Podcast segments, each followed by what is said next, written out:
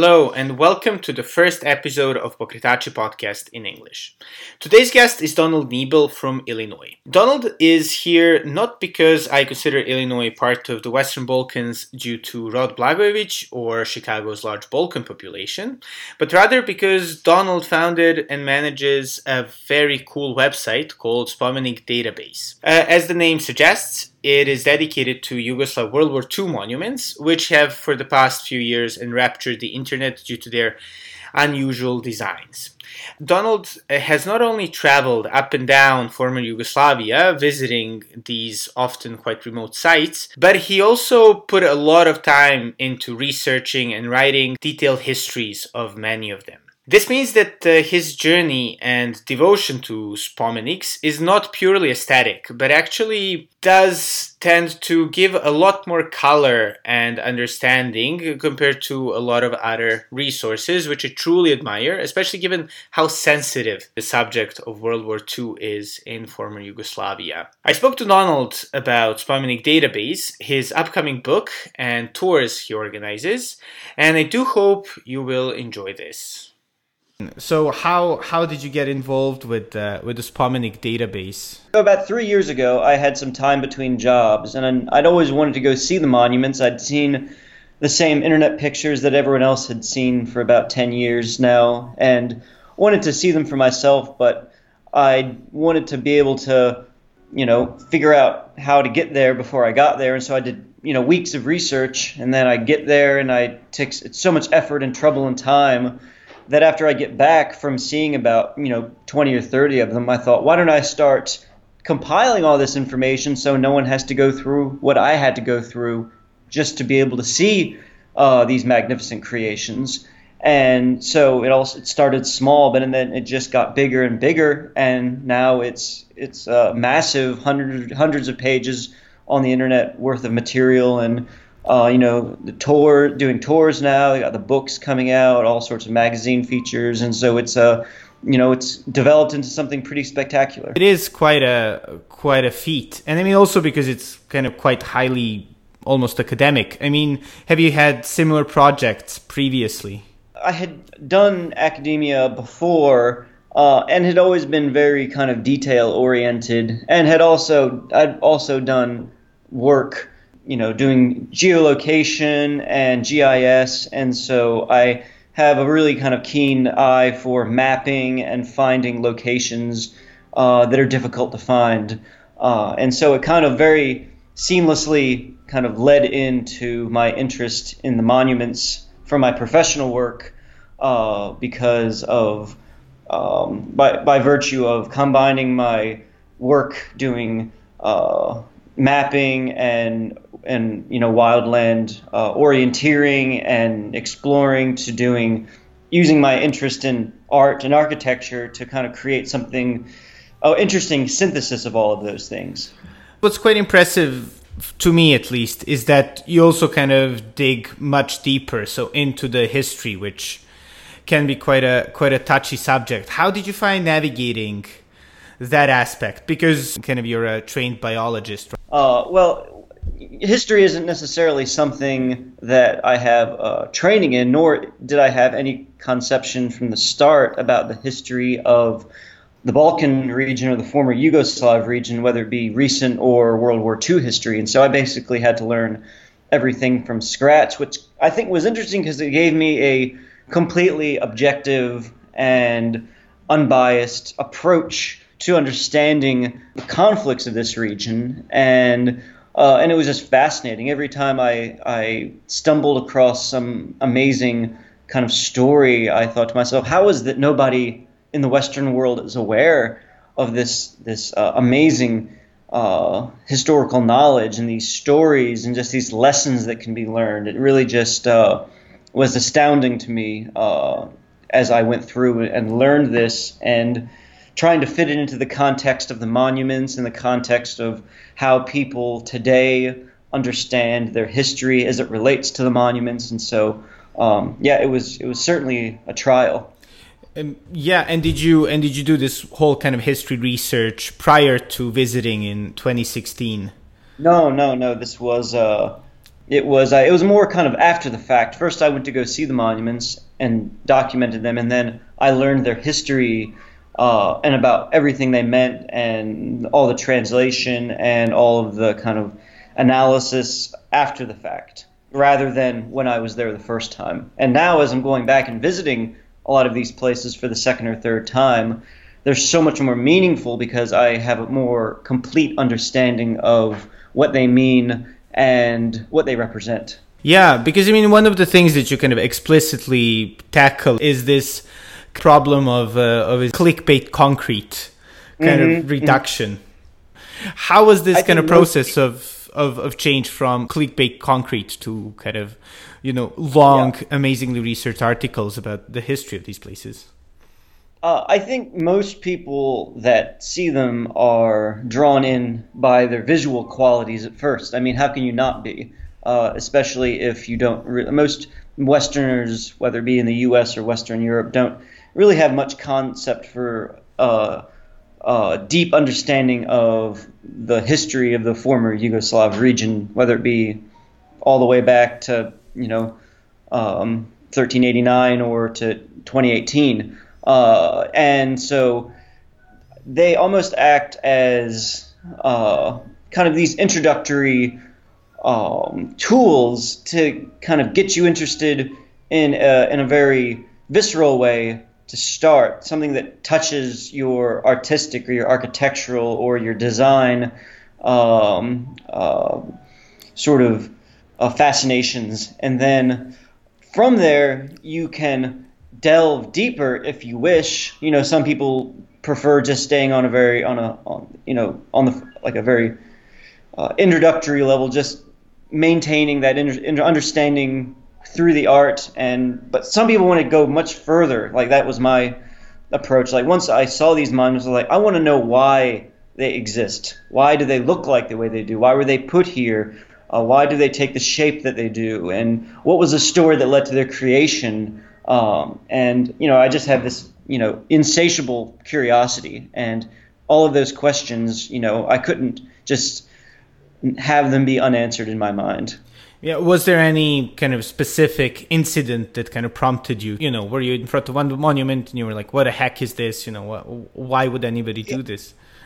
Yeah, I think you know certainly they're the ones such as the one in Podgarić, Croatia, the monument to the revolution for the people of Moslavina. That's uh, certainly probably one of the most just stunning and visually arresting images. Uh, and there are certainly a lot of other ones at Kozara, Tjentište, and you know that make you that are just outside of the understanding of what most people in the West would understand to be a World War II monument. As you see that, uh, you know, for me, I just, I you know that didn't make any sense to me. It was like, you know, like some people describe it as, oh, you know, this very sort of maybe someone could say a very Orientalist view is like, oh, they look like some spaceship or something like that. And it, and admittedly, while that might not be the most delicate description, you know, from the perspective of, of a Westerner, yeah, that they have every reason to to see that and think that because that is what their the iconography of their culture uh, tells them that this is. Uh, whereas in the former Yugoslavia, they have a very different understanding about what a monument was or what a monument could be. So there's a whole universalism aspect of the monuments. They're meant to offer something to everyone. And I think by the virtue of the internet, they are now offering something to the whole world. How did you find the, the locals react to your interest? I would say it was it was it was varied. I wouldn't say there was one consistent uh, reaction. I got some people that were just completely ecstatic and enthralled that someone from the U.S. would even remotely be interested in these sites, and then other people were completely confused and perplexed. Like, why would you want to come here? This doesn't make any sense. Like, they were just as confused. Uh, you know, as I initially was about the monuments themselves. They were confused, like, well, why would you want to come here? It just doesn't make any sense to them. And then others, you know, some people are angry because they they don't feel, you know, there's still a difficult relationship with that history for some people. And so some foreigner poking and prodding around the ruins of some monument is kind of incendiary. Uh, you know, it was destroyed for a reason, and some people want to make sure it stayed that way. Mm-hmm. Have you had any like well, specifically bad kind of experiences, or or at least like odd experiences? I would say for the most part, it, they were positive to neutral experiences. You know, I had some people. Uh, you know, every once in a while, I would have I would be at a monument site, and there'd be some some local that would they would seem visibly kind of maybe upset or disturbed or concerned, and they would come and start speaking to me in in, in the local language uh, about something which I, I was not clear as to what the content was, and I couldn't so I couldn't tell if it was anger or if it was concern or or what. But I but every once in a while I would get some very emotional responses from people uh, when they saw me uh, at the site, especially if I had uh, you know unusual let's say unusual number plates on my vehicle that I pulled up in. What was the reaction of your friends and kind of family back in the states when you, I guess, told them about this project? Because I guess oh, it's quite yeah. time consuming. Well, yeah, it, I mean, it is, it is. And the funny thing is, you know, there are a lot of people here that greet me with just as much confusion and lack of understanding as the people in Serbia or Croatia or wherever that when I tell them what I'm doing. So, you know, a lot of people well, you know, I get like like are you crazy? Why are you wasting your time doing this? You know, I get that, you know, a lot from from both sides of the world. Uh, but you know, for the most part, you know, as it's kind of gotten bigger and uh, developed, uh, I've gotten a lot of positive response from a lot of people, and so I would say at this point, for the most part, people are very enthusiastic.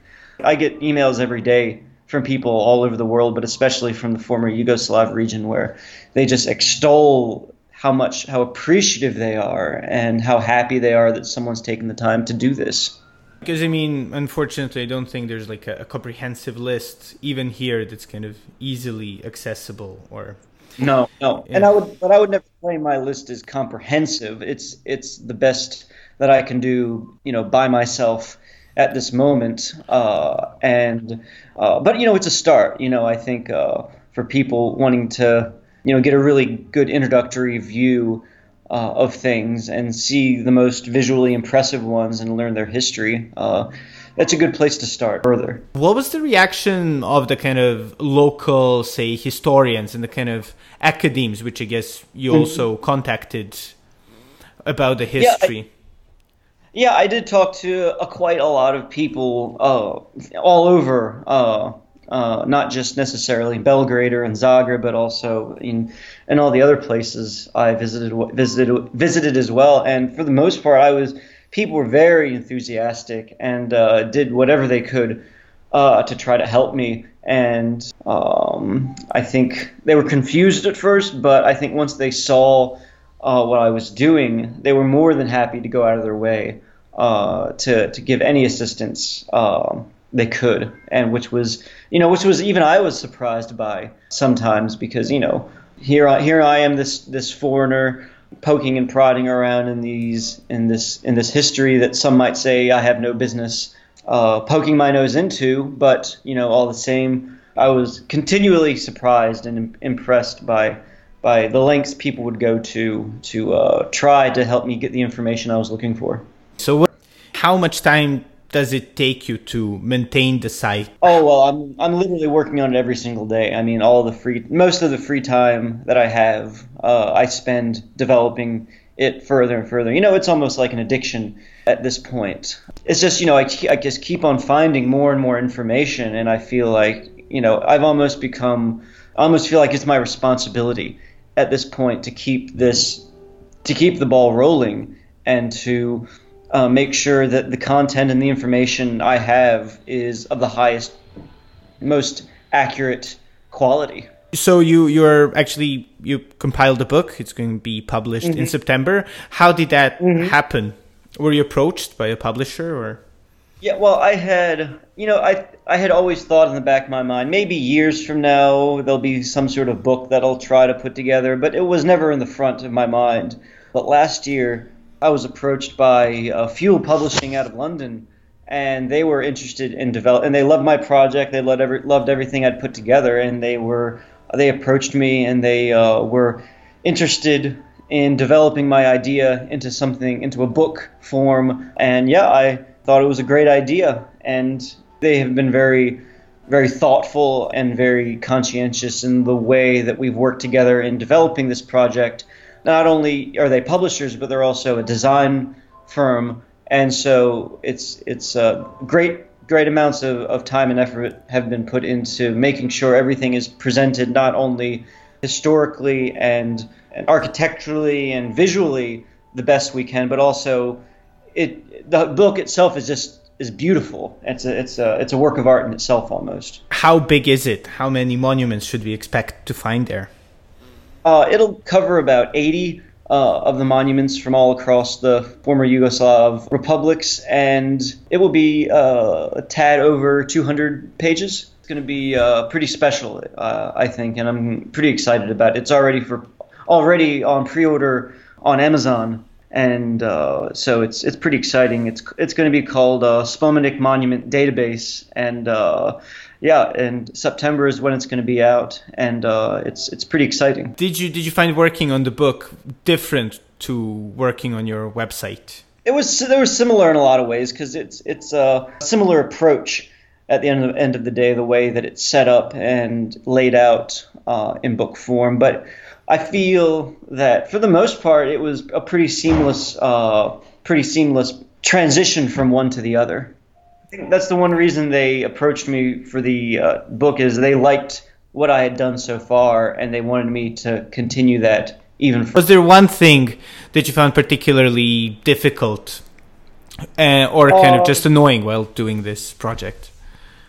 Oh well, certainly trying to travel around Bosnia is one of the more difficult things to do. The uh, I mean, just if trying to get from point A to point B or trying to get to remote locations in Bosnia is can be very difficult. I don't know if you've done much driving around the far remote stretches of the country, but uh, it's it's uh, the it's it can be quite challenging. And and uh, I uh, got stuck. I had my car stuck near Kozara, and uh, my GPS led me down a uh, or sat nav as some they're sometimes called led me down a dirt road and and I um, stupidly followed it for longer than I should have, and I got my car stuck.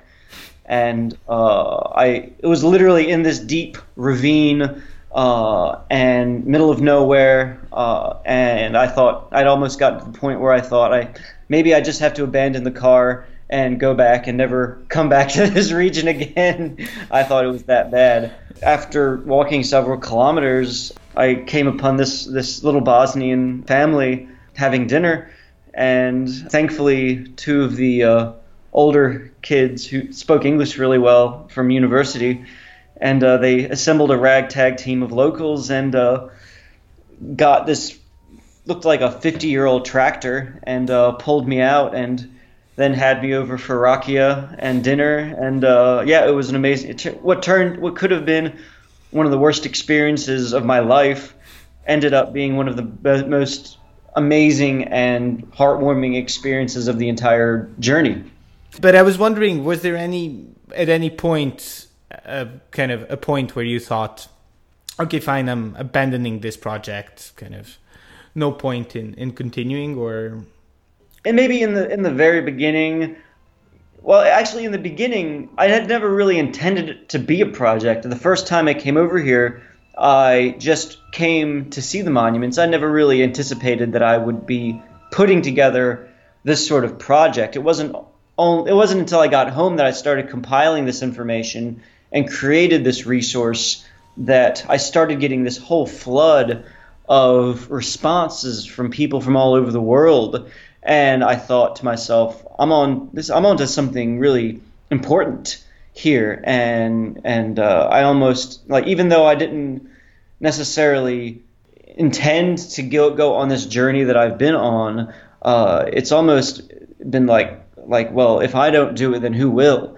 Uh, because there wasn't really uh, anyone else from my part of the world uh, putting together this sort of English language resource with as much detail and as much care and time and effort. Uh, you know, certainly there are people within the Yugoslav region, uh, former Yugoslav region, working uh, on projects kind of similar but not quite. But you know, the English language part of this whole thing means not just people, you know, in the U.S., but people from all over the world can can uh, have greater insight into these monuments. On your website, mm-hmm. you're kind of mentioning how the, the kind of the point of this kind of very abstract design was this sort of universalism. What mm-hmm. would you say you've found that this project kind of taught you kind of beyond oh, the yeah. facts? Oh yeah, I mean, I would say that it has made me think so much just about the idea of memory, uh, because that is, you know, as looking at the the conflicts of the former Yugoslav states, so much of it is boiled down to the idea of memory and how one remembers one's history and how that history is written and the way in which that history is memorialized. And studying these monuments, you you come across so many amazing, so many amazing, interesting conflicts and issues that that have just been persisting uh, for so long, and and just getting a greater understanding uh, has just I think made me a more uh, more thoughtful person, a more analytical person, and uh, so much more open to the idea that a story has more than just one side to it. Do you think the kind of the current monuments that are being erected all around former Yugoslavia um, are interesting for a similar type of project? There's, you know, you certainly see a lot of newer monuments being made in places like uh, Serbia or Croatia or, you know, Macedonia, especially. But what's interesting about these new monuments is they are often speaking to only one audience. They are meant for one set of people uh, who all come from the same background or uh, have the same sort of uh, historical narrative that they m- subscribe to. But the difference is the monuments from the Yugoslav era, they had this universalist appeal to them, uh, like we were saying before. And because of that universalist appeal, well, because of the intention to be universalist, they were forced to create something that speaks not to just one group or whether it be ethnicity or religion or et cetera, et cetera, something that kind of transcended that and spoke in in more in symbols that could be more easily interpreted or internalized and when I think that universalism makes the the Yugoslav monuments, the spomeniks, so much more engaging from from a kind of kind of world perspective, uh, because they they speak in this language that that either intrigues people or is deeply meaningful to people or is to a level that is immediately understood Whereas the modern uh, monuments that are being built today, uh, they, they lack that. I think they are, when you speak to a niche audience in a very specific way, you lose that universalism that is what is drawing so many people around the globe to these uh, the, to the spomeniks uh, right now. I guess it it's difficult to pick from so many, and I guess you're quite attached to to what you've been doing. But uh, are there sort of three spomeniks that you think people should know more about? So something that's not Tjentište Kozara. Certainly, Grmeč in Bosnia is one of the probably harder to access sites but uh, a very important site nonetheless that is in a very bad state. But I think most people would be would be uh, very excited to be able to explore this place. This is this is a place that uh, is very much off the beaten path, and I think people would would do well to to go out of their way to explore that one. And another one I would say is the uh, the Partisan Cemetery in Mostar uh, would be another good one. Uh, that certainly isn't one that I hear people uh, talk about a lot as far as wanting to visit, but I think that the scale of it and uh, just the the very surrealistic nature of it, and also the fact that they're doing great work right now to restore uh, that site